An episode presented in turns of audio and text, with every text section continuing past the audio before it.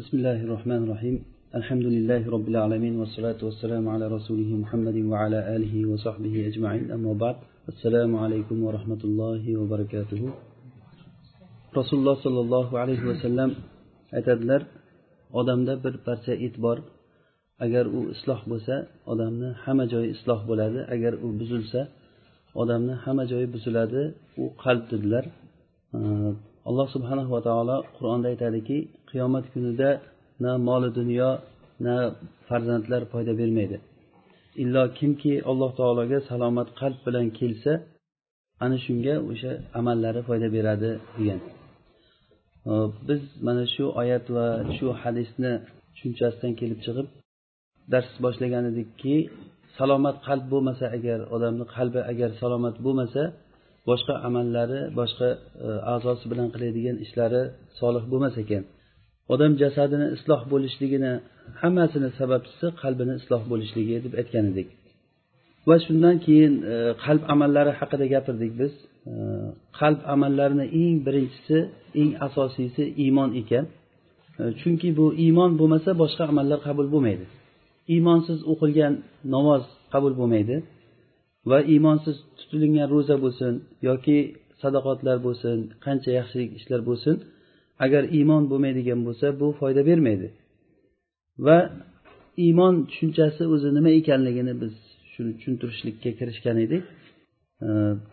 Iymonni biz kitoblarda aqida kitoblarida dars o'tilinadigan e, allohga iymon keltirishlik maloikalarga iymon keltirishlik deb aytishlik va iymon rukunlari haqida gapirishlik uni shartlari haqida gapirishlik matnlarda kitoblarda yodlanadigan iymonni e, haligi teoremalari haqida so'z yuritmaymiz.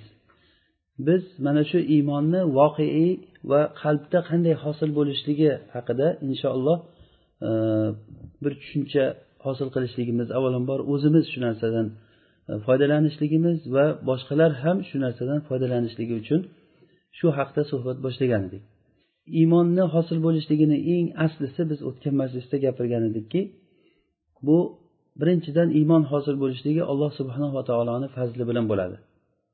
Xuddiki mutarif ibn abdullah aytganlari kabi agar meni qalbim agar qo'limga chiqarib berib qo'yilsa bir qo'limga va ikkinchi bir qo'limga agar yaxshilik berilsa shu yaxshilikni mana shu qalbni ichiga kirgiz desa men kirgizolmayman alloh taolo buni kirgizadi degan. Alloh taolo bizni agar iymonga o'zi yetalamasa o'zi iymonga boshlamasa bizni biz mo'min bo'lolmaymiz. Jannat ahli jannatga kirgan paytda aytadilar alhamdulillahi hadana li hada va ma kunna linahtadiya laula an hadanalloh agar alloh taolo bizni hidoyatlamaganda edi biz hidoyat topmasdik. Degan bu birinchidan. Ikkinchidan iymonni eng boshlanish nimasi? Qadam qo'yishligi. Kecha biz majlisimizda oldingi majlisimizda aytgandik bu nima? Tasdiq ya'ni olloh va rasulini aytgan xabarini tasdiqlash dedik. Agar mana shu tasdiqlash bo'lmasa tasdiqlash bo'lmasa bu iymonga qadam qo'ygan bo'lmaymiz biz. Va bugungi majlisimiz o'shani davomi bo'ladi. Tasdiqlash shu darajada bo'ladiki tasdiqlash yaqin darajasigacha ya'ni E, bu ishonch darajasigacha yetib borishlik. Hech qanday undan keyin shak shubha qolmaydigan darajada. Ana shu narsa sohibiga foyda beradigan iymon shu bo'ladi. Agar biz e, hozir kelajakda kelgusida o'qib beradigan ba'zi bir misollarimiz oyat hadislardan tushunchalarni agar qaraydigan bo'lsak iymon shu narsa ekanligi o'zi asosiy narsa shu ekanligi o'zi har birimizga ayon bo'lib qoladi. Asli iymon ya'ni iymonni aslisi u yaqin dedik. Ya'ni yaqin degani bu arab tilida yaqin degani yaqin kalimasi suvni tinib qolishligi degan ma'noda chiqadi. Ya'ni suv qimirlab yotgan joyida to'xtatib qo'ysangiz tinib suvni ichidagi har xil narsalar pastiga cho'kib e, suv tinib qoladi. Ana shu suvni tinigan paytda aytilinadigan narsa. Shu fe'l shunga ishlatilinadi ya'ni bir xabar sizga yetib kelgan paytda qalbingizdan shu xabarni tasdiqlashligiz va tasdiqlashligi sizni xotirjamlik darajasigacha olib chiqolsa demak bu tasdiq yaqin darajasiga ko'tarildi degani. Mo'minlardan talab qilingan iymon ana shu iymon bo'ladi. Bu shunday narsaki uni orqasida shubhalanishlik shakka tushishlik bo'lmaydi. Agar o'sha ana shu narsa bo'lmaydigan bo'lsa bizni bu iymon darslarimiz kitoblarda yodilayotgan matnlarimiz hammasi faqat kalom gap bo'lib qoladi xolos.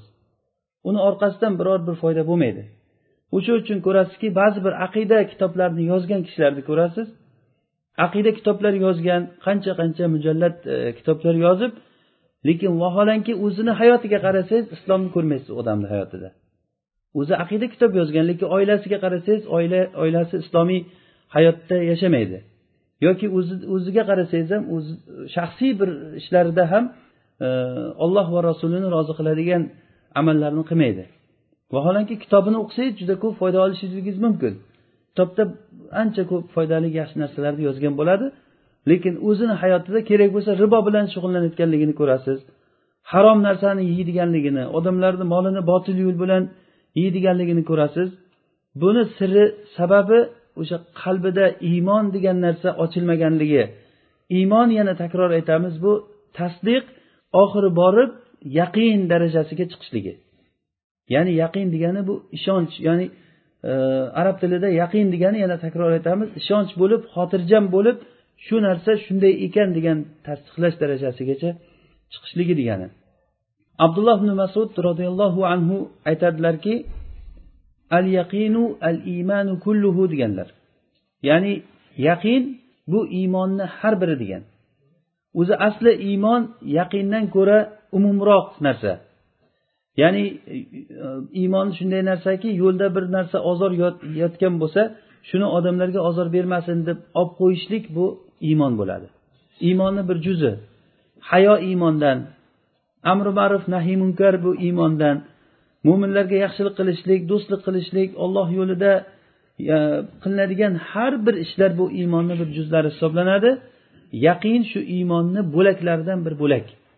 Lekin eng muhim bo'lagi bo'lganligi uchun ham bu narsani ibn masud roziyallohu anhu ya'ni iymon degani bu yaqin degani deganlar. Xuddiki rasululloh sollallohu alayhi vasallam aytganlari kabi al hajju arafatu deganlar. Ya'ni haj bu arafa degan. O'zi biz bilamizki hajni hammasi arafadan iborat emas. Hajda tavof bor e, tosh jamoratlarda tosh otishlik bor ehrom kiyishlik bor e, soch oldirishlik bor qon so'yishlik qurbonliq so'yishlik bor e, va hokazo muzdalifada turishlik qancha amallardan iborat bir mujassam murakkab bo'lgan amal bu. Lekin asosiy hajdagi eng asosiy narsa nima? Arofatda turishlik bo'lganligi uchun rasululloh sollallohu alayhi vasallam haj bu arafa dedilar. Xuddi shunday iymon bu yaqin deb aytganlari mana shu bobdan bo'ladi. Ya'ni iymon shunday narsaki bu yaqindan iborat. Agar yaqin bo'lmasa odamni qalbida yaqin bo'lmasa bu iymondan foyda bo'lmaydi. Gapirilgan gaplar quruq gap bo'lib qoladi. Masalan biz dars o'tamiz bugun namozni farzlari haqida gapirsak vaqtlari haqida gapirsak ro'za haqida gapirsak bunda biz uchun o'sha namozda shuncha farz bor ekan mana buni qiroat qilish kerak ekan unday ekan bunday ekan degan fiqhiy bir masalalarni olishlikdan boshqa narsa bo'lmaydi bu yerda. Kimni zehni ko'proq bo'lsa shu yerda ko'proq istifoda qiladi. Zehni kamroq odam eshitib bu yoqdan kirib bu yoqdan chiqib ketadi darsdan chiqib ketaveradi. Lekin iymon darsi iymon masalasi bunaqangi narsa bo'lmaydi. Iymon bu tajriba bilan foydalanadigan ifoda qilinadigan narsa bo'lmaydi. Ya'ni bir yigirma yil iymonda yurgan kishi hozir islomga kirgan iymonga kirgan odamdan ko'ra yigirma yil oldin iymonga kirgan odamni iymoni baquvvat bo'ladi deb aytolmaymiz biz. Balkim buni aksi yigirma yildan beri qiladigan ibodatlari odat bo'lishligi mumkin. Xuddiki ibn javziyni hikoyasida biz keltirgan edikki sakson yoshga kirgan bir cholni nevarasi o'lib qolgan paytda nevarasi o'lgan paytda har xil ollohni g'azablantirayotgan gaplarni gapirganligi. Va mana shu xabarni eshitgan paytda shayx aytdilarki shundan keyin bildimki bu odamni qilib yurgan ibodatlari odat ekan degan sakson yoshdan oshgan kishi. Aksar odamlarni qilayotgan ibodatlari odat yoshi katta bo'lib qolganligi uchun yoki o'g'li bir diniy bir mansabda ishlab qolsa meni o'g'lim masjidda imomi bo'lib turib men endi namozga chiqmasam noqulay bo'ladi qo'shnilar o'rtoqlarim gapiradi bizni tengi kishilar hammasi endi namozga chiqyapti namoz o'qimasak bo'lmaydi deb o'qilgan namoz bilan. Ollohni namoz o'qinglar degan xabarini tasdiqlab o'qigan namozni o'rtasida qancha farq bor? Million rakat namoz o'qisa ham agar o'sha bir rakat namozni o'rniga to'g'ri kelmaydi.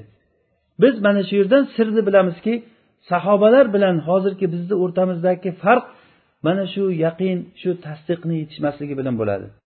Alloh asrasin iymonni davo qilgan ko'pchiligimizda boshlab tasdiq yetishmaydi. Agar tasdiq bo'ladigan bo'lsa ham u yaqin darajasigacha ko'tarilmagan tasdiq bo'ladi. Shuning uchun ham biz hayotimizda bu iymonni asarini ko'rolmaymiz. Namozlarda qiroat qilingan paytda masalan e, namoz o'qiganda e, zam zamsura qilib turib imom qiroat qilib shuncha baland ovozda aytadi hammamiz eshitib turamiz.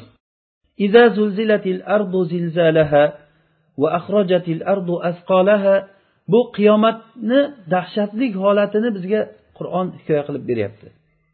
Agar yer zilzilaga kelib yerdagi butun nimalar e, yer ichidagi narsalar ya'ni mayitlar chiqsa yerdagi butun o'sha holatlarni tasavvur e, bizga tasvir qilib suratlab berganda birorta odamni xayoliga ham kelmaydi.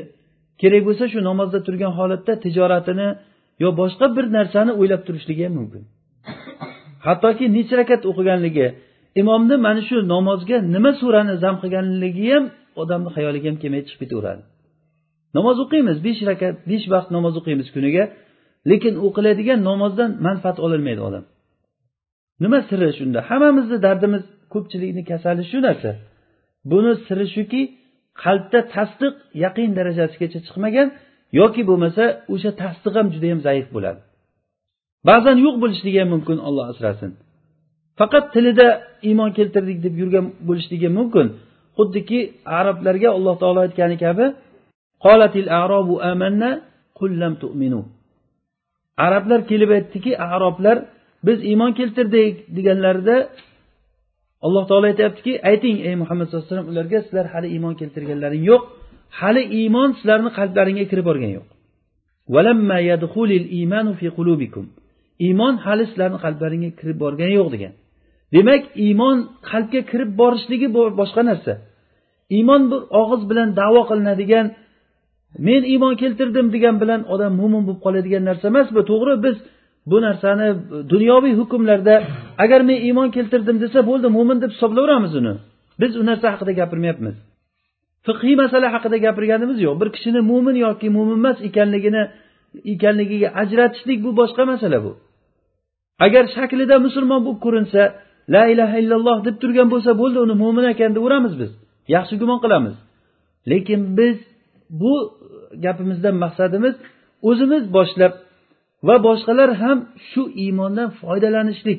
Qanday qilib foyda olamiz shu iymondan? Shu narsa bizni ajablantiradi. Nimaga namoz o'qiymiz? Namozimizdan rohat topmaymiz. Namoz o'qilinadi namozda rohat topmaydi. Beradigan sadoqatlar chiqim tarzida chiqib ketadi odamdan. Sadoqatni berasiz bergandan keyin odam xafa bo'lib qoladi. Xuddiki bir narsasini yo'qotgandek bo'lib qoladi. Ba'zan bergan narsasini qaytarib ham olayotgan odamlar bor. Bir kuni shayx abu soq hafizaulloh aytadilar bir kuni masjidda men e, sadaqa haqida va'z qildim deydi. Va'z juda ham kuchli bo'lib ta'sirlanib ketgandan keyin bir kishi cho'ntagidagi hamma pulini chiqarib berdi deydi. Olloh yo'lida shu sadaqa deb deydi. Ertasi kuni masjidga kelib turibdi haligi odam. Meni chaqirdi chekkaroqqa chaqirib shayx shu kecha bergan pulimni shu qaytarib bersangiz ko'p berib yuboribman ekan. O'ylamay berib qo'yibman ekan. deb haligi va'zga ta'sirlanib ketganligidan pulni berib qo'ygandan keyin ertasi kuni kelib qaytarib olib ketyapti o'sha pulni. Yoki bo'lmasa bu bizga kulgulik tuyulishi mumkin. Lekin bizni o'zimizda bor bo'lgan narsa bitta misol qur'on o'qishlikdan ta'sirlanishlikda ayting. Masalan qur'on bu ollohni kalomi. Hadis rasululloh sollallohu alayhi vasallamni so'zlari bizga xabar beryapti. Qur'on masalan oxirat to'g'risida e, bir xabar beryapti. Hal ataka hadisul g'oshiya vujuhu yawma idin xoshi'a amilatun nasiba deb qiyomatda shunday bir yuzlar bo'ladiki qiynalgan horigan holatda yuzlar bo'ladi degan xabarni bizga o'qib bergan paytda agar ovozi chiroyli bir qori o'qib bersa qanday ta'sirlanamizu? Bir ovozi xirillab qolgan bir odam o'qisa qanday ta'sirlanasiz? Kerak bo'lsa ta'sirlanmaysiz ham ba'zi bir odam o'qisa. Demak biz u xabar uchun quloq solganimiz yo'q. Bizga faqat uni ovozi yoqimliligi ta'sir qilishligi mumkin. O'sha ta'sirni kuchi bilan ba'zan va'z qilingan paytda ilm majlisida o'tirsangiz masjidda xutbalarda qattiq da'vatlar darslarni eshitgan paytda odam jo'sh urib qizishib ketib juda bir iymon o'zida sezadidan keyin masjiddan shunday chiqqan paytda o'sha narsa yo'qoladi odamdan nima sabab? Sabab shu qalbidagi tasdiq yaqin darajasigacha chiqmagan. Masalan sizga bir odam bir xabar bersa u xabar siz uchun juda bir muhim xabar bo'lsa masalan sizga bir yaxshi ko'rgan kishingizni kutib o'tiribsiz shuni kelganligini xabarini bersa bir odam chiroyli ovoz bilan xabar berdi nimayu yoqimsiz ovoz bilan xabar berdi nima? Siz uni ovoziga e'tibor ham bermaysiz. Falonchi keldi desa shuni kiyganligi sizni qalbingizga tushadi birinchi o'rinda. Bundan boshqa narsaga siz agar uni bir yaxshilab ovozlarni chiroyli qilib notalarga solib turib e, ovozlarni chiroyli qilib falonchilar keldi deb sizga yaxshilab aytib bersa nimayu? Keldi desa nima ko'p gapni cho'zmay tezroq ayt keldimi yo'qmi deysiz. Sizni o'sha xabar qiziqtiradi. Qur'oni sunnani xabarlari bizdan ana shunday bir oramizda bir devor paydo bo'lgan. Mana shu devor ortida biz qur'on sunnani qabul qilyapmiz. Bu birinchidan bizni tilimizni arab tili emasligi. Ollohni qadari bilan biz arab bo'lmadik. Arab tilidan biz uzoq bo'ldik. Lekin ollohni marhamati bilan bizga shu tushuntirib beradigan arab tilidan o'zimizni tilga tushuntirib beradigan iymon masalasini bizga yoritib beradigan kishilar bo'ldi. Alloh taolo hujjat bo'lishligi uchun har bir qavmga o'zini tili bilan gapiradigan odamlarni alloh taolo chiqarib ularga toki haqni yetkazib qiyomat kunida mana shu yetkazdim deydigan holatda e, kishilarni chiqarib qo'yar ekan. Lekin bundan foydalangan odam foydalana oldi foydalanolmagan odam foydalanolmadi o'tib ketaverdi vaqt. Demak hammamizni qiynaydigan masala mana shu yerda biz bu masalani qancha ko'p gapirsak oz bo'ladi bu masalada ishlash kerak. Ya'ni bu faqatgina bu majlisda o'tirib gapirilib turganimizdan keyin yodimizdan chiqib ketayotgan masala bo'lmasligi kerak bu. Sahobalar bilan bizni o'rtamizdagi farq mana shunda bo'ladi. Bo'lmasa ular ham bizga o'xshagan inson edi. Lekin ular bilan bizni amalimizni o'rtasida qanchalik darajada farq bor? Masalan sayidil istig'forni duosini allohimma anta robbi la ilaha illa anta خلقتني وأنا عبدك وأنا على عهدك ووعدك ما استطعت أعوذ بك من شر ما صنعت الحديث ya'ni o'sha duoni oxirigacha ko'pchiligimiz yodlaganmiz bu duoni sayyidul istig'for deyiladi rasululloh sollallohu alayhi vasallam aytdilarki kimki kechqurunda yotish paytida mana shu duoni o'qib yotsa shunga iymon keltirgan holatda ishongan holatda muqinan biha degan mana shunga aniq yaqin bilan ishonch bilan o'qib yotsa shu kecha o'lsa shu odam jannatga kiradi dedilar. Buni ishonib aytgan odam qayerdayu? Ishonmasdan uni yoki ishonish esiga ham kelmasdan tushunmasdan tilida takror qilgan qayerda qanchalik farqini sezasiz shu narsani o'rtasida? Oddiy bir subhanalloh kalimasini oling. Subhanalloh degani olloh taoloni men barcha noqisliklardan poklayman degani. Subhanalloh deb o'sha ma'noni qalbingizda tushunib aytish qayerdayu oldingizga bir qancha toshlarni olib kelib qo'yib shu tosh tugaguncha men subhanalloh deyishim kerak deb turib subhanalloh subhanalloh deb toshlarni olib tashlayversangiz ba'zan zerikkan paytingizda bir hovuch olib tashlab subhanalloh subhanalloh deb yana shunday qilinaversa masalan bu bilan qalbda bir marta subhanalloh deyishlikni farqini sezasizmi shuni? Agar sezolsangiz shuni farqini mana shu men aytmoqchi bo'lgan narsa. Ya'ni yaqin degan narsa xabar olloh va rasulini xabari sizni qalbingizga kelgan paytda birinchidan siz tasdiqlashingiz kerak va tasdiqlashlik shu darajaga bo'lishi kerakki hech shak shubhani qabul qilmaydigan holatgacha yetib borishligi. Ibn taymiya rahimaulloh aytadilarki sabr iymonni yarmi va yaqin iymonni hammasi deganlar. Oyatda alloh taolo aytadiki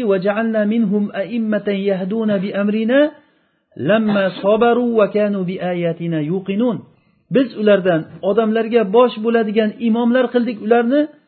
Qachon ular sabr qilgan paytda va bizni oyatlarimizga ishongan paytlarida degan. Ollohni oyatlariga ishonishlik bu shunchaki bir til bilan aytadigan narsa bo'lib qoldi. Ishonch degan narsada shunday bir narsaki sizga yana bir tushuncha bo'lishligi uchun takror aytaman. Sizni xafa qiladigan bir xabarni aytilsa masalan siz yaxshi ko'rgan kishingizni bir o'lganligini masalan dunyodan o'tganligini xabarini bir kishi bersa shu xabar sizga kelishligi bilan sizda o'zgarish hosil bo'ladimi yo'qmi? U xabar beruvchi kim bo'lishidan qat'iy nazar. Muhim u xabar beruvchini siz haqiqatdan sodiq ekanligini gapida to'g'ri gapirgan ekanligini siz ishonch hosil qilsangiz bo'ldi. Shu xabarni sizga berishligi bilan sizni ko'zingizdan xohlang xohlamang tirqirab yosh chiqib ketadi yoki bo'lmasa seni izlab yuribdi ekan odamlar. Uyingga izlab kelibdi ekan hozir ham seni izlab yuribdi ekan desa o'sha xabarga ishonsangiz sizda qanday o'zgarish paydo bo'ladi? Ovqat yeb turgan bo'lsangiz ovqatingizdan to'xtab qolasiz. Gapirib turgan bo'lsangiz gapingizni yo'qotib qo'yasiz. Shu xabar sizga ta'sir qilyaptimi? Nima uchun? Shu xabarga ishonyapsiz siz. Shuni tasdiqlayapsiz va uni orqasidan yaqin sizda paydo bo'lyapti. Olloh va rasulini kalomini biz mana shunday tasdiqlashligimiz kerak. Biz yaqin deganda e, shunday bir narsani aytmoqchimizki muhim bir ta'kidlab aytishimiz kerak bo'lgan narsa. Abu sufyon kofir paytida iymon keltirmagan paytda abu sufyon roziyallohu anhu bu kishi e, hudaybiya sulhidan keyin rasululloh sollallohu alayhi vasallam butun dunyoni podsholariga xat yozadilar. Ularni iymonga chaqirib shunda rum podshosi heraklga xat borib qolgan paytda heraql aytadiki bu kim bu arablarni podshosi? E, arablardan chiqqan bu payg'ambarman degan odam. U haqda biz kimdan so'rasak bo'ladi? Qaranglar qani bozorga bir tijoratchilar kelgan bo'lsa shularni olib kelinglar deydi. Shunda odamlari borib bozorni ko'rsa abu sufyon boshchiligidagi e, nima e, karvon tijorat bilan rumga borgan bo'ladi. Ularni olib keladi. Keyin o'shanda heraql abu sufyon bilan birga suhbatlashadi. Mashhur qissa ko'pchiligimiz eshitganmiz buni. Heraql aytadiki qaysilaring bu payg'ambarman degan odamga nasab jihatdan eng yaqini kim? deganda abu sufyon menman deydi. Chunki abu sufyon rasulullohni amakivachchasi bo'ladi. Ya'ni uzoqroq amaki rasulullohga o'sha e, jamoani ichida eng yaqini abu sufyon bo'ladi. Men deganda bo'lmasa sen oldinga chiq deydi. Qolganlarni orqasiga qo'yib qo'yib aytadiki men bundan ba'zi narsalarni so'rayman agarda bu noto'g'ri gapirsa yolg'on gapirsa sizlar tug'illanglar orqada turib gapiringlar yolg'onini deydi. Va shunda abu sufyondan savollar beradi. Bu qissa uzun. Hozir bizni maqsadimiz bu emas aytishlik. Abu sufyon bilan suhbatlar bo'lgan paytda keyin bu odam rasulullohni haqiqatdan rost payg'ambar ekanligiga dalillarni abu sufyonni o'zini gapidan chiqarib oladi.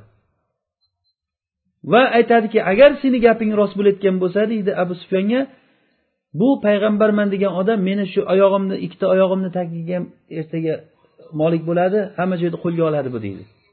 Bu aytganday bo'ldi. Shunda abu sufyon chiqib turib aytgan gapiki men o'shandan keyin yonimdagilarga aytdimki bu ibn abi kabasha deb rasulullohni aytgan haqorat qilib aytgan.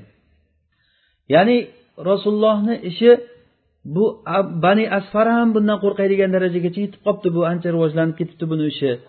Dedim shundan keyin men qalbimdan ishonib yurdimki muhammadni ishi sallallohu alayhi vasallam bu kishini ishi hamma joyga zohir bo'lishligiga ishonib yurardim degan.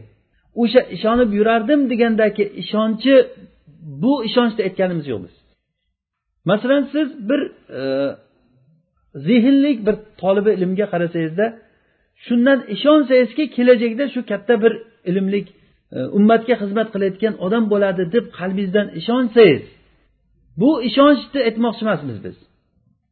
Biz aytayotgan yaqin biz aytayotgan ishonch olloh va rasulini xabarini tasdiqlash o'shanga ishonish degani. G'oyibdan ishonish degani. Ko'z bilan ko'rib turib bir narsani gumon qilib turib xayol bilan o'ylab ishonish boshqa. Rasulullohni haqiqiy rasululloh deb tasdiqlaganingizdan keyin u kishi nima desalar gapirgan gapini bo'ldi to'g'ri aytyapti deb tasdiqlab ketishlik boshqa narsa bo'ladi. Agar o'sha darajagacha yetib ololsak biz bu narsa oson narsa emas bu. Rasululloh sollallohu alayhi vasallamdan so'ralinganda ey rasululloh eng afzal amal katta amal qaysi? deb so'ralinganda rasululloh aytdilarki iymanun la shakka fihi deganlar. Unda shak bo'lmagan iymon dedilar. Biz bundan oddiy o'tib ketamiz mana shu hadisni o'qigan paytimizda. Lekin buni siz yaxshilab o'zizni ichingizda o'ylab ko'ring sizda shu ish bormi yo'qmi? Keyin undan keyin g'ulul bo'lmagan jihod dedilar. Ya'ni olloh yo'lida jihod qilib yurgan paytda g'animatga tushgan narsalardan o'g'irlab qo'ymasdan haqiqiy sof olloh yo'lida jihod qilishlik. Uchinchisi hajji mabrur dedilar. Ya'ni hajji mabrur unda halol pul bilan hech alloh taoloni nahiy qilgan qaytargan narsalarni qilmasdan hajji mabrur qilib hech qanaqangi fusuq fujur ishlarni qilmasdan haj qilib kelishlik dedilar. Eng katta katta amallardan shular. Birinchisi iymanun la shakka fihi deb aytdilar. Biz e, tasdiq haqida kechagi majlisimizda gapirganimiz e, asmai bilan arobiyni voqeasi. Asmai safarda ketishda bir arobiy chiqib qolib sizlardan bir payg'ambar qayerdan kelyapsan? deganda men qur'on tilovat qilinadigan ollohni kalomi o'qilayotgan shahardan kelyapman degan. Ya'ni madinadan. Shunda ollohni kalomini menga o'qib ber degan paytda u kishi oyatini o'qib degan oyatgacha yetdi. Ya'ni sizlarni rizqlaring osmondadir. Sizlarga va'da qilingan narsa ham osmonda degan narsani eshitgan paytda arobiy shunday tushib tuyasini so'yib o'sha yerda sadaqa qilib tarqatib yuborgan agarda bizni va'da qilingan narsamiz osmonda bo'lsa rizqimiz bizga osmondan kelayotgan bo'lsa men osmondagi zotga ishondim shu zotga tavakkal qilaman men degan. Ya'ni bu xabarga ishonishlik mana shu darajada bo'lishi kerak. Olloh va rasulini xabarini biz ishondik deymiz lekin to'g'risini aytganda qalbdan ishonolmaymiz. Olloh beradi qazo qadarga ishonamiz. Olloh beradi ha beradikiya lekin deb boshlaniladi gap. Shu lekin degan joyingizda burilish paydo bo'ldiki tamom sizniki degan. Lekin qayerdan beradi deysiz?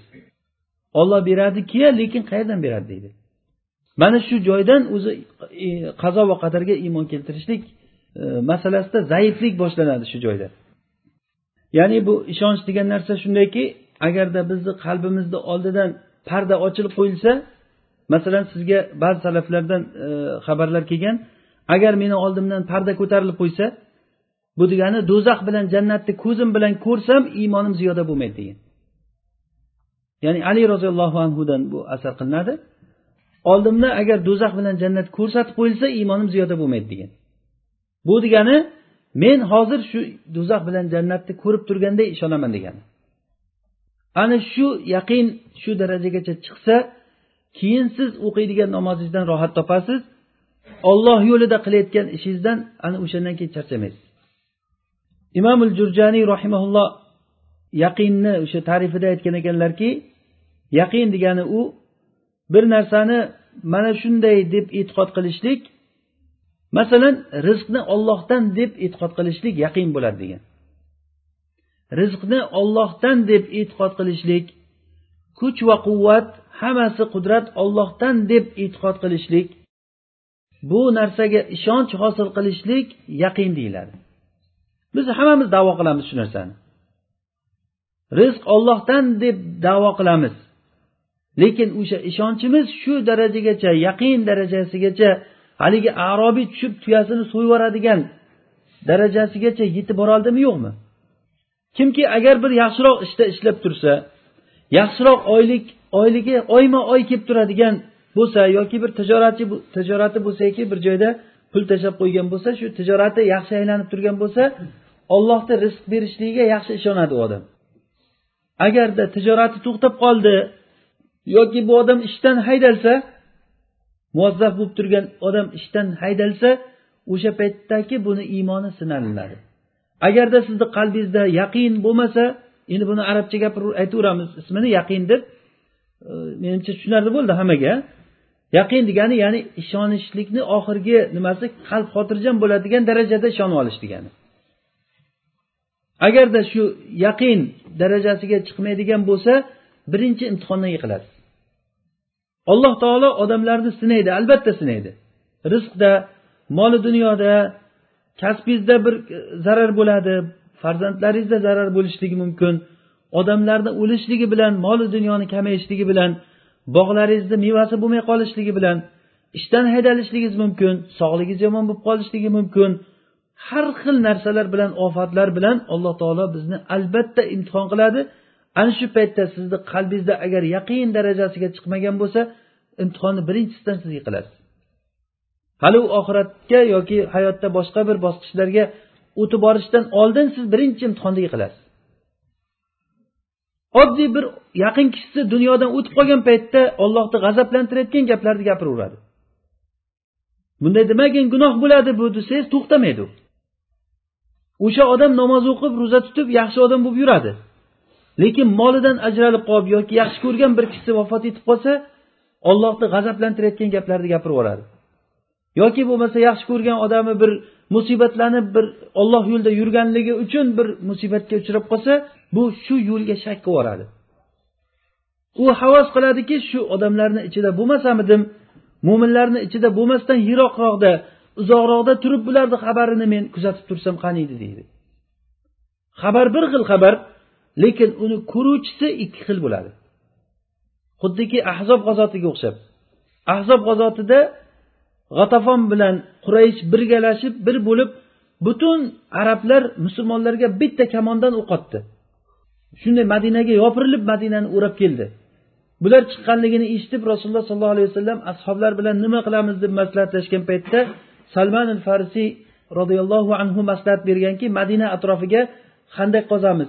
Biz ilgari forsda agar kuchimiz zaifroq bo'lib dushman shaharga shunday yopirilib kelsa shahar atrofini kovlab chiqardik shunday qilib degan.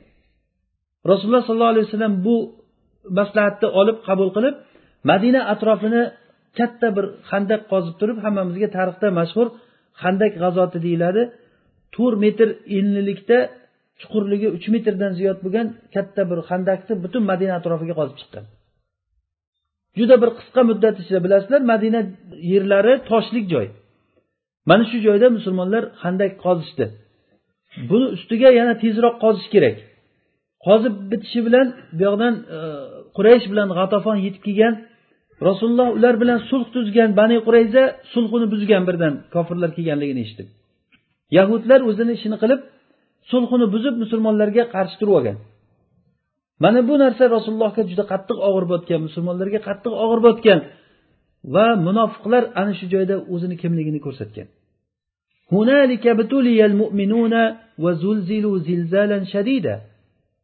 Mana shu joyda alloh taolo aytyaptiki mo'minlar imtihon qilindi. Qattiq sinovdan o'tdi. Hattoki qalbida marazi bor bo'lgan munofiqlar va iz yaqulul munafiquna vallazina fi qulubihim marad ma va'adana Allohu va rasuluhu illa g'urura deb aytishdi.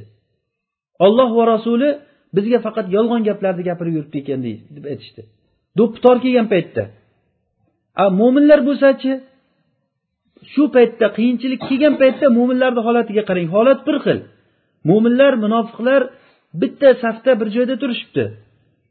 havo juda ham sovuq bo'lgan hamma joydan bu yoqdan yahudlarni e, nimasi kelyapti nima musulmonlar qamalda qolgan butun arablar yig'ilib hamma qabilalar to'dalanib shunday yopirilib kelgan paytda mo'minlar ahzob o'sha jamoatlarni ko'rgan paytda قالوا هذا ما وعدنا الله ورسوله وصدق الله ورسوله وما زادهم إلا إيمانا وتسليما mo'minlar ahzoblarni jamoatlarni ko'rgan paytda shunday tasdiqlashdiki mana shu narsa olloh va rasuli va'da qilgan narsa bizga shu dedi. Aksincha mo'minlarni iymonini ziyoda qildi bu narsa. Sizga bir kofirlarni xabari kelgan paytda birinchi o'zizni tutishligingiz qanday bo'ladi? Sahobalardek bo'ladimi? Va rasuluhu deyiladimi? Misrda nima qo'zg'olonlar bo'lib shariatni tadbiq qilamiz degan gaplar tadbiq qilmaymiz deb odamlar ikkiga bo'linib butun shahar ichida mashmashalar tarqaldi. Agar shaharda biz agar islomni tadbiq qilayotgan bo'lsak keyin gap chiqdiki amerikadan katta bir qurol ortilgan kema yo'lga chiqibdi deganni eshitgan paytda odamlar birinchi so'rayotgani nechta qancha ekan kiyma nechta kiyma ekan? degan xayol keldi odamlarga. Ya'ni olloh bizga kifoya qiladi. Biz ollohni buyrug'ini bajaryapmizku nima bo'lganda ham. Degan narsa odamni xayolidan chetlashib qolar ekan shunday paytda.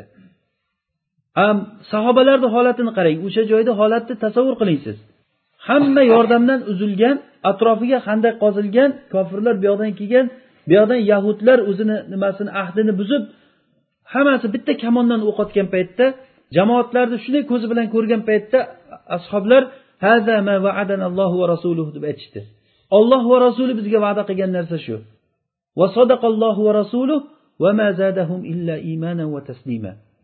Bu narsa ularga iymon va yana ham allohga taslim bo'lishlikni ziyoda qildi bu narsa. Ammo munofiqlar bo'lsachi munofiqlar ba'zilari bizni uyimiz ochiq deb qochib ketishlikka harakat qildi. Hattoki bu g'azot ahzob g'azotini nimasi voqeasi uzun buni gapirib bersak hozir bizni maqsadimiz emas.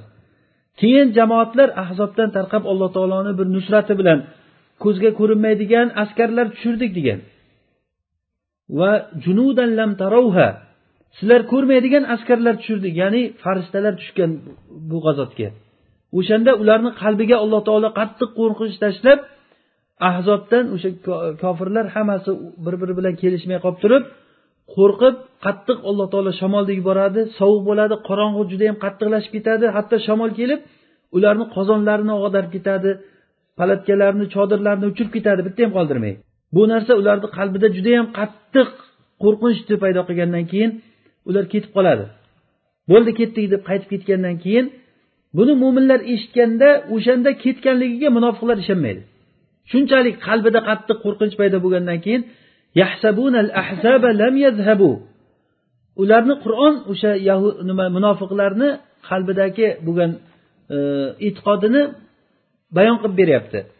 Ular o'sha jamoalarni ketgan yo'q deb o'ylaydi hali. Va ahzab agarda jamoatlar yana qaytib kelib qolsachi degan nima ham bor bu yerda xavf xatar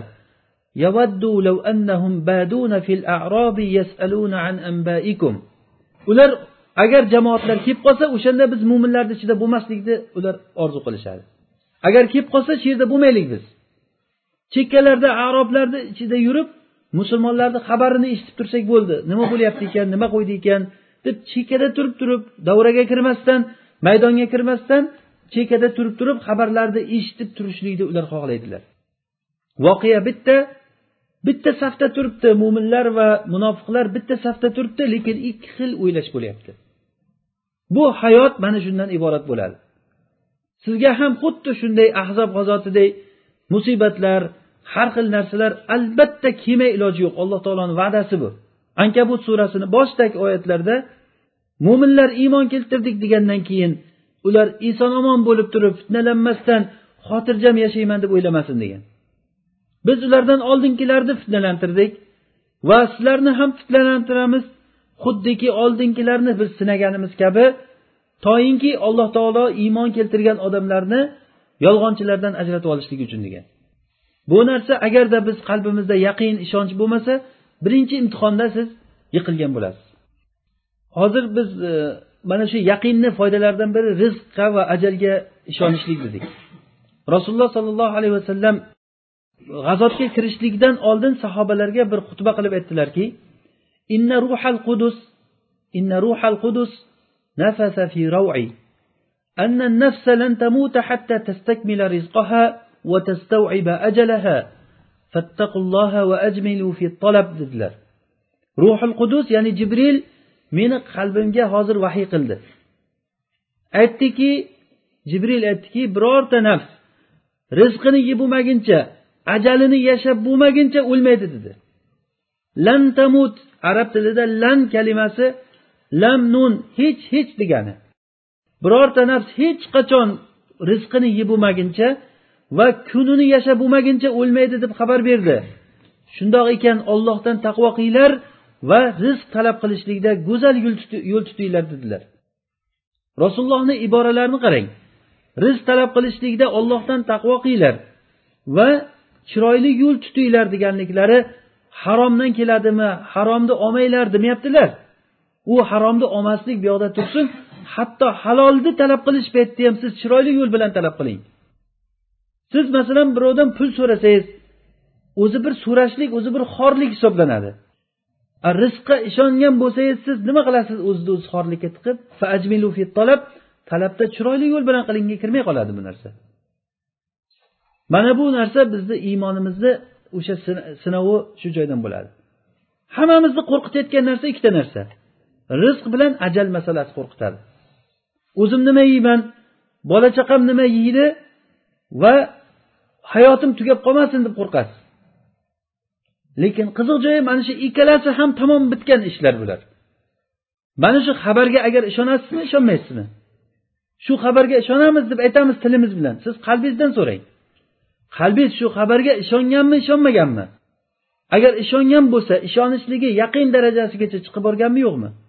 Agar yaqin darajasigacha chiqib borgan bo'lsa demak sizda o'sha narsa albatta iloji yo'q o'zini asarini ko'rsatadi. Xotirjam inson bo'lib qolasiz. Xotirjam ala bi zikrillahi tatmainnul qulub. Ollohni zikr qilishlik bilan qalblar xotirjam bo'ladi. Qanday? Ollohni razzoq ekanligini eslasangiz rizq masalasida xotirjam bo'lasiz. Alloh taoloni aziz qodir zot ekanligini eslasangiz ollohni azobidan qo'rqasiz. Shuning uchun ham alloh taolo azobini zikr qilgan paytda alloh taolo azoblarni zikr qilib aytgan paytida o'zini tanitib mana shunaqangi oyatlarda aytgan paytda inna ahzahu alimun shadid. Yoki ahzu robbika nima deb aytgan. Biz kofirlarni aziz qodir zotni ushlashligidaqa ushlab qo'ydik degan. Bu xabar bu. Alloh taoloni xabarini tasdiqlashligingiz uchun siz ollohni aziz va qodir kuchli zot ekanligiga ishonsangiz ana o'shanda sizni qalbingizdan ollohdan qo'rqishlik paydo bo'ladi. Agar ollohni razzoq ekanligiga qalbda ishonch bo'lib xotirjamlik paydo bo'lsa rizq masalasida siz hech narsani o'ylamaysiz. Ana o'sha odam harom yeyishlikdan tiyiladi keyin. O'sha odam yolg'on gapirishlikdan tiyiladi. Nima uchun odam yolg'on gapiradi? Yolg'on gapirgan odam yo qo'rqqanligidan yolg'on gapiradi yo muhtojligidan gapiradi. Yolg'onni sababi ikkita. Yo qo'rqadi yo muhtoj bo'ladi. Agar shu ikkala sabab bo'lmasdan ham yolg'on gapirsa bu o'zi qalbida fisq o'rnashib qolgan eng fojir odam bo'ladi. O'sha uchun ham rasululloh sollallohu alayhi vasallam uchta odam toifa odamni eng katta gunoh ular ya'ni alloh taolo ularga qiyomat kuni qaramaydi gapirmaydi ularga alamlik azob bor deganda shulardan bittasini zinokor shayx deganlar. Yana bittasini yolg'onchi podshoh dedilar. Ya'ni podshoh bo'lib turib yolg'on gapirsa yolg'on gapirishlikni sababi nima dedik? Qo'rqinch va muhtojlik podshohda ikkalasi ham yo'q. Qo'rqmaydi ham muhtoj ham emas. Mana shunday bo'lib turib sababi bo'lmasdan turib yolg'on gapiryaptimi? Bu degani eng yomon odam safiga kirib qolgan degani. Al muhim shu yolg'on gapirish masalasida e, sizda olloh taoloni olloh taoloni sizni ko'rib turibdi. Olloh agar o'zi kuch quvvat bersa olloh xohlasa bu menga ziyon yetkaziladi. Olloh xohlamasa ziyon yetkazolmaydi deb ishonsangiz yolg'on gapirmaysiz. Qo'lidan kelganini qilsin deysiz. Xuddiki mo'min ali fir'avn aytganday butun fir'avn oilasiga qarata va ufavvidu amri ilalloh innalloha basirun bil ibad deb aytdi. Men ishimni ollohga topshiraman qo'llaringdan kelganlarini qilinglar dedi. Shunda alloh taolo uni jazosiga nima dedi?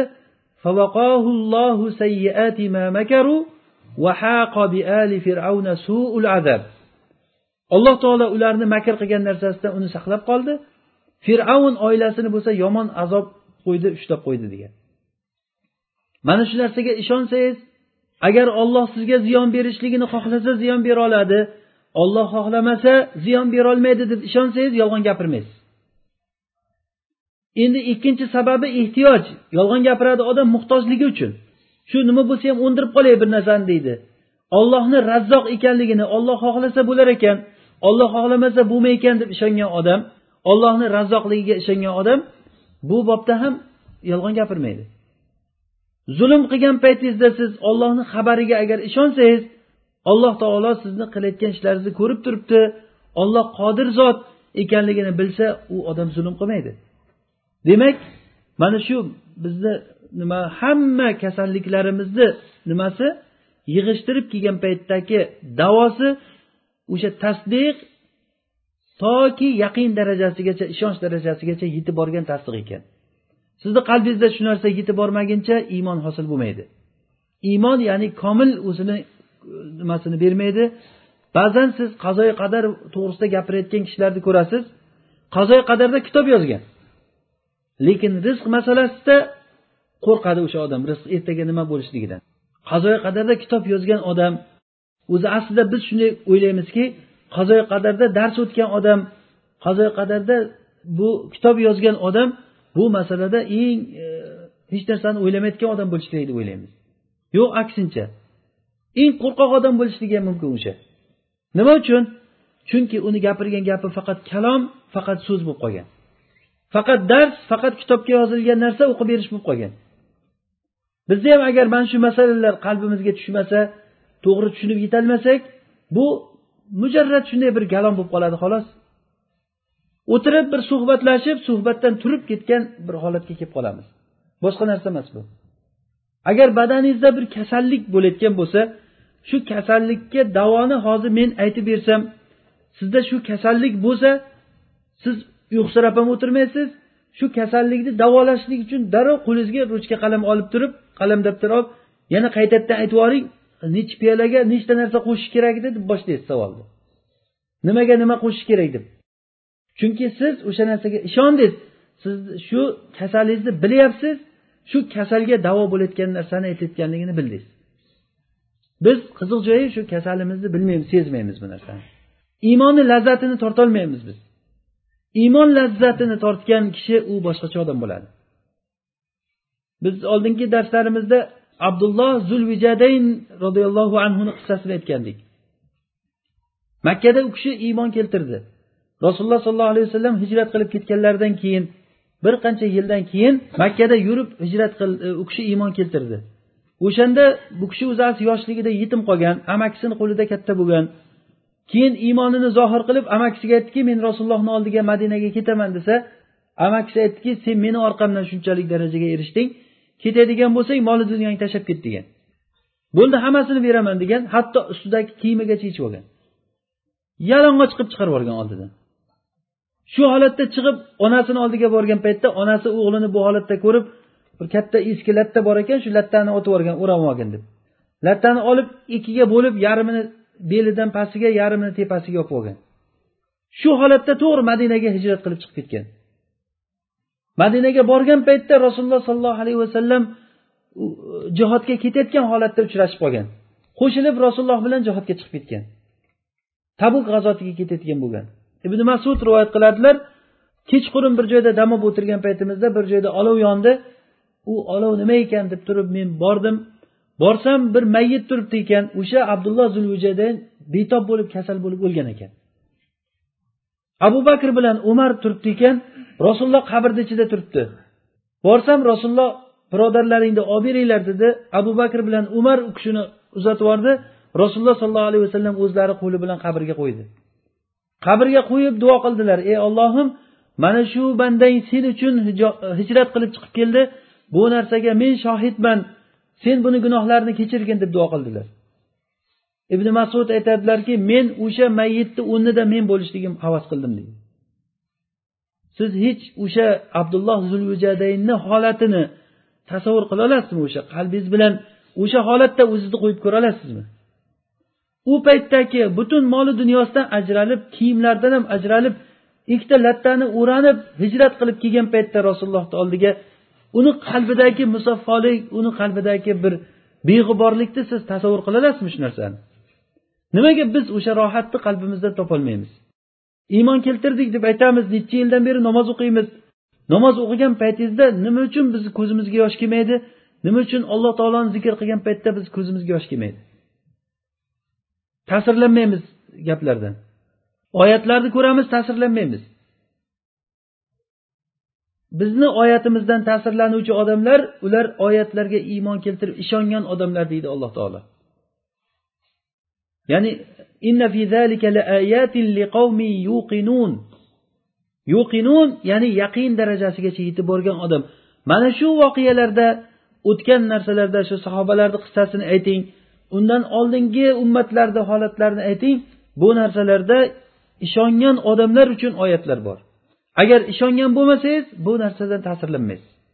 Oddiy bir xabar ertak kitobini o'qiganday bir bor ekan bir yo'q ekan qadim zamonda bir yalmog'iz kampir bo'lgan ekan. Keyin bir uchta pahlavon bo'lgan ekan unday bo'lgan ekan bunday bo'lgan ekan desa rohat qilib eshitib o'tirasiz. Kitobni yopasiz chiqib ketaverasiz bo'ldi. Ozroq dam olgan bo'lasiz qalbingiz shu bilan ozroq dam ol rohatlanadi shuni eshitib. Agarda bizda iymon yaqin darajasigacha boradigan iymonimiz bo'lmasa bu xabarlardan hech qanday foyda bo'lmaydi bizga. Qur'on va sunnani xabarlarini kim foydalanadi? Qalbidan ishongan odam foydalanadi. Bizda shu narsa yo'q. Yoki juda ham zaif. Illo alloh taolo bu narsadan o'zi asragan o'zi fazlini bergan kishilar. Bo'lsa alloh taolo o'shalardan qilsin bizni.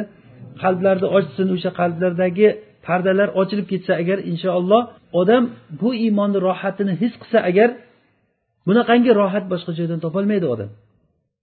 Bu rohatni boshqa yerdan topolmaydi.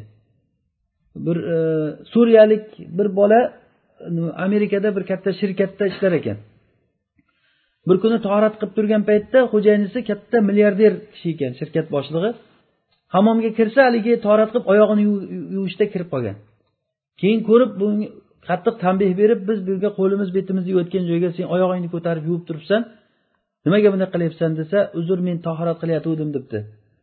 Bu toharat deganing nimasi degan ekan toharat bu ibodat bu namoz o'qish uchun toharat qilinadi. Keyin u xo'jayinisi qiziqib so'rabdi bu namoz nima degani? Namoz bu ibodat olloh bilan bizni o'rtamizdagi ibodat bu. Biz shuni doim o'qiymiz. Men musulmon kishiman. Degan ekan olloh deganing nima edi debdi. Olloh degani bu seni ham meni ham yaratgan zot deb bu tushuntirgan shu yerda tushuntirganda men ham o'sha zotga ishonsam namoz o'qisam bo'ladimi desa nima bo'lmaydi? Bo'ladi. Nima qilishim kerak deganda g'usul qilishing kerak deb o'rgatgan haligi kishi g'usul qilibdi. Shahodatayn kalimasini aytibdi namozni o'rgatibdi. Sajdaga bosh qo'yib boshini ko'tarmay yig'lar ekan boyagi shu rohatni men hech narsadan topolmadim degan. Bo'lmasa milliarder odam hamma narsa bor. Samolyotlarigacha bor uylarigacha bor hamma butun hayotdan to'ygan odam. Lekin shu rohatni o'sha odam shunday ikki rakat namoz o'qigan paytda shu rohatni his qilyapti. Qiziq joyiki nima uchun biz shu rohatni his qilmaymiz? Chunki bizda xabarlar iymon bu taqlid va odatga aylanib qoldi. Agar shu turishda yurayotgan bo'lsak biz hech qachon o'zgarmaymiz. Olloh asrasin bundan yomonlik holatga ketib qolmasak agar bundan yaxshi bo'lishingiz qiyin bo'ladi. Qachoniki mana shu qalbdagi pardani ochishlikni bir yo'lini topmasak bo'lmaydi. Ollohni oyatlari u eshitilgan paytda nimaga ko'zizga yosh kelmaydi? Rasululloh sollallohu alayhi vasallamni xabarlarini eshitgan paytda xuddi bir oddiy odam gapirganday qabul qilib rasululloh aytdi deydigan bo'lsak hech bir ta'sir qilmay o'tib ketaverishlik. Imom molik rahimaulloh rasululloh degan paytda ranglar sarg'ayib ketar ekan. Hadis aytgan paytda juda ham vajohatlanib boshqacha bir e, ko'rinishda hadis aytar ekanlar. Nimagaki u kishi rasulullohni xabarini aytayotganligini his qilib gapirgan. Qiziq mana shu narsa bizda shu ne'mat mana shu rohat yo'qligi uchun katta bir ne'matdan biz mahrummiz alloh taolodan so'raylikki mana shu e, narsani alloh taolo o'zi bizga nasib qilsin. Qalbi qalblarni alloh taolo ochsa hech narsa emas inshaalloh. Buni ochishlik uchun ozroq bo'lsa ham biz nima harakat qilishimiz kerak. Harakat bu narsa hozir bugungi e, narsamiz harakatimizni uchinchisi. Ya'ni birinchisi nima bo'ldi? Ollohni fazlini so'rash. Ikkinchisi tasdiqlash olloh va rasulidan kelgan xabarlarga ishonish. Uchinchisi shu ishonchimiz yaqin darajasigacha hech shak shubhani qabul qilmaydigan darajasigacha yetib borish bo'ladi. Ibn qayim rahimaulloh aytgan ekanlarki ishonch odamni halok o'rinlariga yetalab ketib olib ketib qoladi degan ekan. Ya'ni yaqinni ya'ni bu iymonni kuchliligi odamni halokat o'rniga olib ketib qoladi qachoniki uni ilm to'g'irlamasa degan. Demak ilmsiz yaqinni o'zi halokatga olib ketib qoladi. Yaqinsiz iymon yaqinsiz iymon amalsiz bir bir ko'rinish bo'lib qoladi. Demak ikkalasini holatini bir biriga qo'shishlik kerak ekan. Ya'ni hamma narsa olloh xohlaganda bo'ladi olloh xohlamasa hech narsa bo'lmaydi degan odam rizq masalasiga kelgan paytda tamom ishlamay uyda yotaverishligi mumkin. Ha desa olloh xohlagani bo'ladi bo'lmasa bo'lmaydi. Endi buni ilm kelib turib to'g'irlaydiki to'g'ri olloh xohlagani bo'ladi. Bu qalbni ishi bu.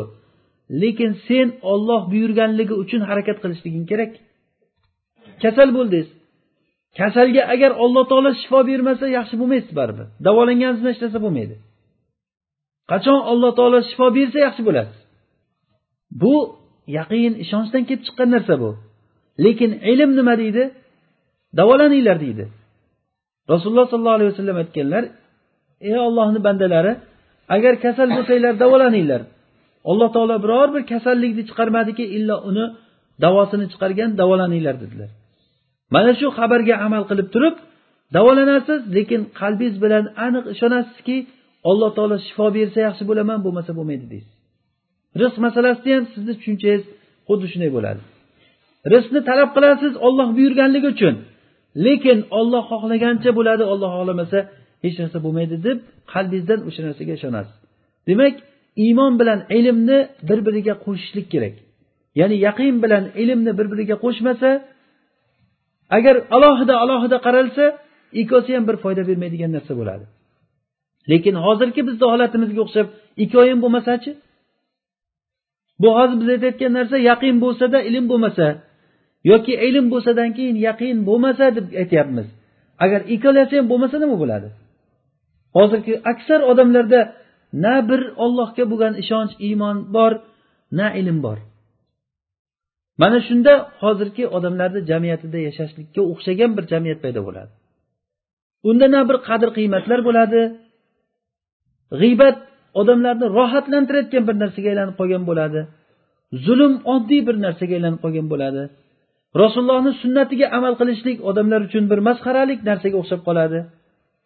Sunnat ustidan yoki boshqa bir iymondagi amallar ustidan bemalol odamlar kulaveradi ta'sirlanmaydi ham hech narsa bo'lmaydi. Qayerga qarang muzikani eshitasiz. Qayerga qarang fisqi fujurni ko'rasiz. O'rganib qolasiz o'sha fujur fisqi fujurga ham. O'sha holatga o'rganish hosil bo'lib qoladida hayot xuddi shunday bir xil hayotda ketaveradi. Bu holatdan davolashlikni yo'li iymon bilan yaqin bilan ilmni bir biriga ikkalasini qo'shishlikdan kelib chiqadi. Biz e, suhbatimizni yakunida e, aytamizki bu yaqinni hammamiz davo qilamiz.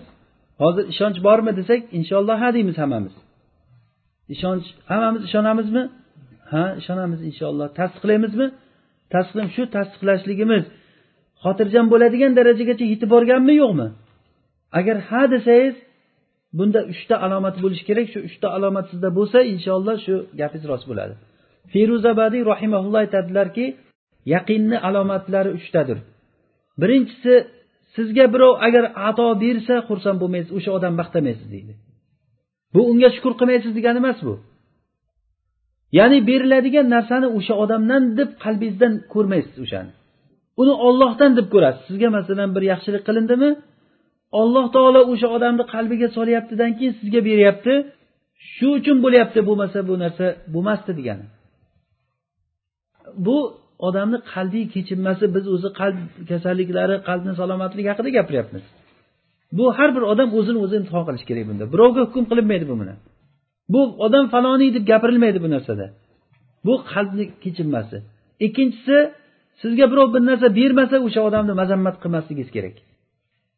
Bergan narsa bilan xursand bo'lib olgan narsa bilan yomon ko'rib yoki birov bir narsa bersa o'shani maqtab bermay qo'ysa o'shani yomonlasangiz shu bermadi menga man qildi baxillik qildi deb o'shani qalbingizdan yomon ko'rsangiz demak sizda yaqin alomati yo'q degani. Ollohga bo'lgan ollohni beruvchiligiga bo'lgan ishonch yo'q degani. Yana biri odamlarga ko'p aralashmaslik. Ya'ni qalbida yaqin bo'lgan odam ko'p ham odamlarni ichiga kirib ketaverishlikni xohlamaydi. Masalan bir odamni ko'rasiz iymonni davo qilgan iltizomni davo qilgan kishilar bir joyda o'tirsa zerikib qoladi yo bir telefonlashib birovga bir esimi sinmasdan bir narsa jo'natib turish kerak yo kelgan xabarni o'qib turish kerak qalbni mana shu narsa mashg'ul qilib tamomiy shu shu bo'lib qolgan ishi. Hattoki bir odam bilan suhbatlasholmaydi ham. Oldida o'tirsangiz suhbatlasholmaydi uzoq yillar ko'rishmagan bir birodarimni borib ko'rdim deb bir kishi aytib beryapti. Bordik suhbatlashdik e qalaysiz u bu deb quchoqlashib ko'rishdik. Hozir deddan keyin o'tirgandan telefonda xat yozyapti deydi. Xat yozyapti xat yozyapti xat yozyapti. Keyin men ham o'tirib o'tirib ichim qizib ketdidan keyin telefonimni oldimdan keyin unga xat yozdim deydi. Ozroq savollarim bor edi desam bunday qarab turib e sizdan kelibdi ekan sherdasiku deb aytyapti. Men ishim zaril edi savollarim bor edi so'ramoqchi edim desa hozir deb telefonda gaplashyapmiz deydi. O'sha yerda o'tiribman. Shunchalik darajada bu telefon bir dard bo'lib qolgan har hammaga. Ayniqsa mana whatsapp degan narsa xat kelgan boshqa bo'lgan shu lekin iymon qalbda yaqin bo'lsa sizda bir mashg'ulot paydo bo'ladi. Bu mashg'ulot masalan sizga bitta misolki e, ertaga siz o'lishligingiz aniq bo'ldi. Ertaga o'lishligingiz aniq. Doktorlar aytdiki bo'ldi ertaga o'lasan sen dedi. Yoki masalan bir hukm chiqarildiki falonchi ertaga olib chiqib o'ldiriladi deb. O'sha odam nima qiladi? Whatsappdan xat yozadimi o'tirib olib to'xtamay. Yo namoz o'qib qoladimi iloji boricha tavba qilib. O'zi bilan o'zi o'zini yog'iga o'zi qovurilib o'zi mashg'ul bo'lib qoladimi o'zi bilan? Shu odam ollohga ishongan odam xabarga ishongan odam malakul mavt jonni olaman deb turganligiga ishongan odam xuddi shunday bo'ladi. Bu odamda bir shug'ul bo'ladi. Ya'ni inna ashabal jannatil yawma fi shughulin fakihun. Jannat ashoblari qiyomat kunida jannatda bir shug'ulda bo'ladi. Ya'ni jannatga kirgan paytda u rohat bilan shug'ullanib qolgandan keyin odam o'sha sizni ishingiz shu rohat bo'lib qoladi. Bu dunyoda oxiratga ishongan odamlarni bir shug'uli bo'lishi kerak.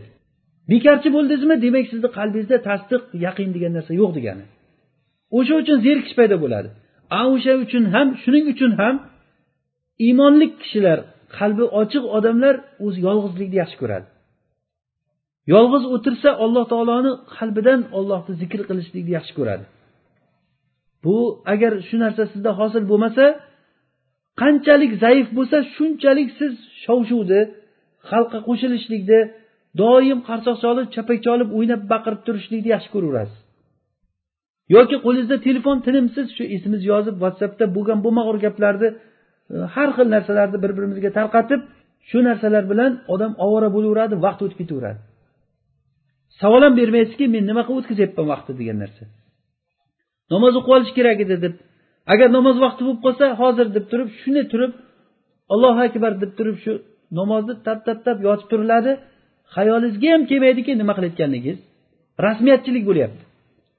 Shu to'rt marta yotib turishingiz kerak o'tirishingiz kerak o'sha fotihani o'qishingiz kerak ana shu narsa o'tib ketaveradi. Qalbda o'sha yaqin bo'lmagandan keyin buni alomatlaridan biri shu. Har bir odam o'zini shu narsaga qo'yib ko'rsin agar bu narsa sizda inshaalloh bo'lmasa xursand bo'lingki sizda demak yaqin bor degani. Tartib bilan aytsak agar birinchisi yaqin bo'lgan odam vahda nimani odamlarga ko'p qo'shilishlikni yaxshi ko'rmaydi.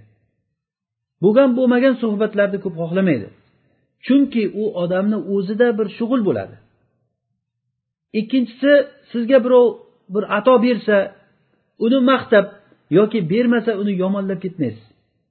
Chunki siz bilasizki beruvchi ham oluvchi ham ollohni o'zi degani sizga berilgan shuning uchun ham o'sha qalbida yaqini tasdig'i bo'lmagan odamlar ozroq puli ko'paysa manmansirab ketadi. Agar puldan ajralib qolsa judayam tuban darajasigacha bir gadoychilik qilib bo'lsa ham har qancha xorlik bilan bo'lsa ham pul topishlikka harakat qiladi. Har qanday yo'l tutib kerak bo'lsa sotqinlik qilib bo'lsa ham ayg'oqchilik qilib bo'lsa ham nima qilib bo'lsa ham shu har qanday razil ishni qilib bo'lsa ham o'sha pul topishlikka harakat qiladi.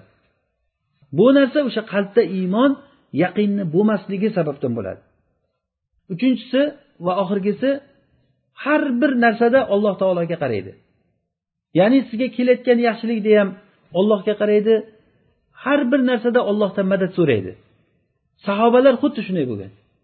Sahobalar agar oyog'idagi oyoq kiyimini ipi uzilib ketsa ham ollohdan so'rardi deyilgan. Bu narsa qalbda agar ollohga bo'lgan iymon ishonch yaqin paydo bo'lsa o'z uz o'zidan odam alloh taolodan so'raydigan bo'lib qoladi. Ollohdan so'rab ollohdan madad so'rab sizga bir xabar yetgan paytda birdan hasbunallohu va ni'mal vakil mana shu holatlarni juda ham bir odam e, qalbida yaqini bo'lgan allohga ishonchi bo'lgan kishilarni holatida ko'p sezasiz bu narsani. Bir kishi o'sha o'zimizdagi ahli ilmlardan dars qilib turgan joylarida bir xabarni olib kelar ekan. Bir kishi o'g'lini bir yerga o'qishga qo'yganda o'g'li suvda cho'kib cho'milgani chiqib suvda cho'kib ketgan ekan. Keyin buni xabarini yetkazamiz deb turib qanday qilib aytamiz ekan? deb izlab kelsa shayx dars berib turgan ekan shogirdlariga. Shunda shayxni bir chekkaroqqa chiqarib turib e, shayx bir yomon xabar bor edi nima edi desa shu o'g'lingiz cho'kib ketdi dunyodan o'tib qoldi. Shunga sizni olib ketgani keldik dedi. U uzoqroq joyda bo'lgan o'g'li. Sizni olib ketgani keldik desa bo'lmasa to'xtab turinglar darsimiz qilayotgandik shu darsni oxiriga yetkazib qo'yaylik deb kirib bolalar bilan shu darsni qilib turib keyin ertaga men bo'lmayganman ertaga ham kelolmaymiz shu ertangi darsni ham qilib qo'yaylik deb ertangi darsni ham berib keyin chiqib ketgan ekan. Bu narsa o'sha ollohga bo'lgan iymon yaqin musibatni mana shunday qabul qiladi odam. Mana shunday odamga agar moli dunyo quyilib kelgan paytda ham ollohni mulki olloh xohlagan joyga shunday qo'yib qo'yganligini ko'rdik shu odamlar. Buni sababi shu qalbda iymon yaqin ya'ni ishonch e, bo'lganligi. Mulk ollohniki deb ishondingizmi demak siz o'zingizni boy tutasiz. Yer ollohniki bo'lgandan keyin siz o'zingizni g'arib tutmaysiz. Modomiki siz ollohni bandasimisiz? Yer ollohnikimi mulk ollohniki siz o'zingizni hech bir joyda g'arib tutmaysiz.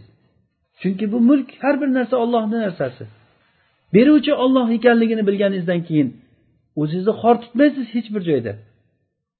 Yoki beruvchi o'zi ekanligini aniq ishonganingizdan keyin bu alloh taolo agar bermay qo'ysa xor tutmaysiz agar bersa faxrlanib kibrlanib ketmaysiz. Demak o'z uz o'zidan hozir tushunyapmizki bu narsa yaqin degan narsa har bir narsani asli bo'ladi.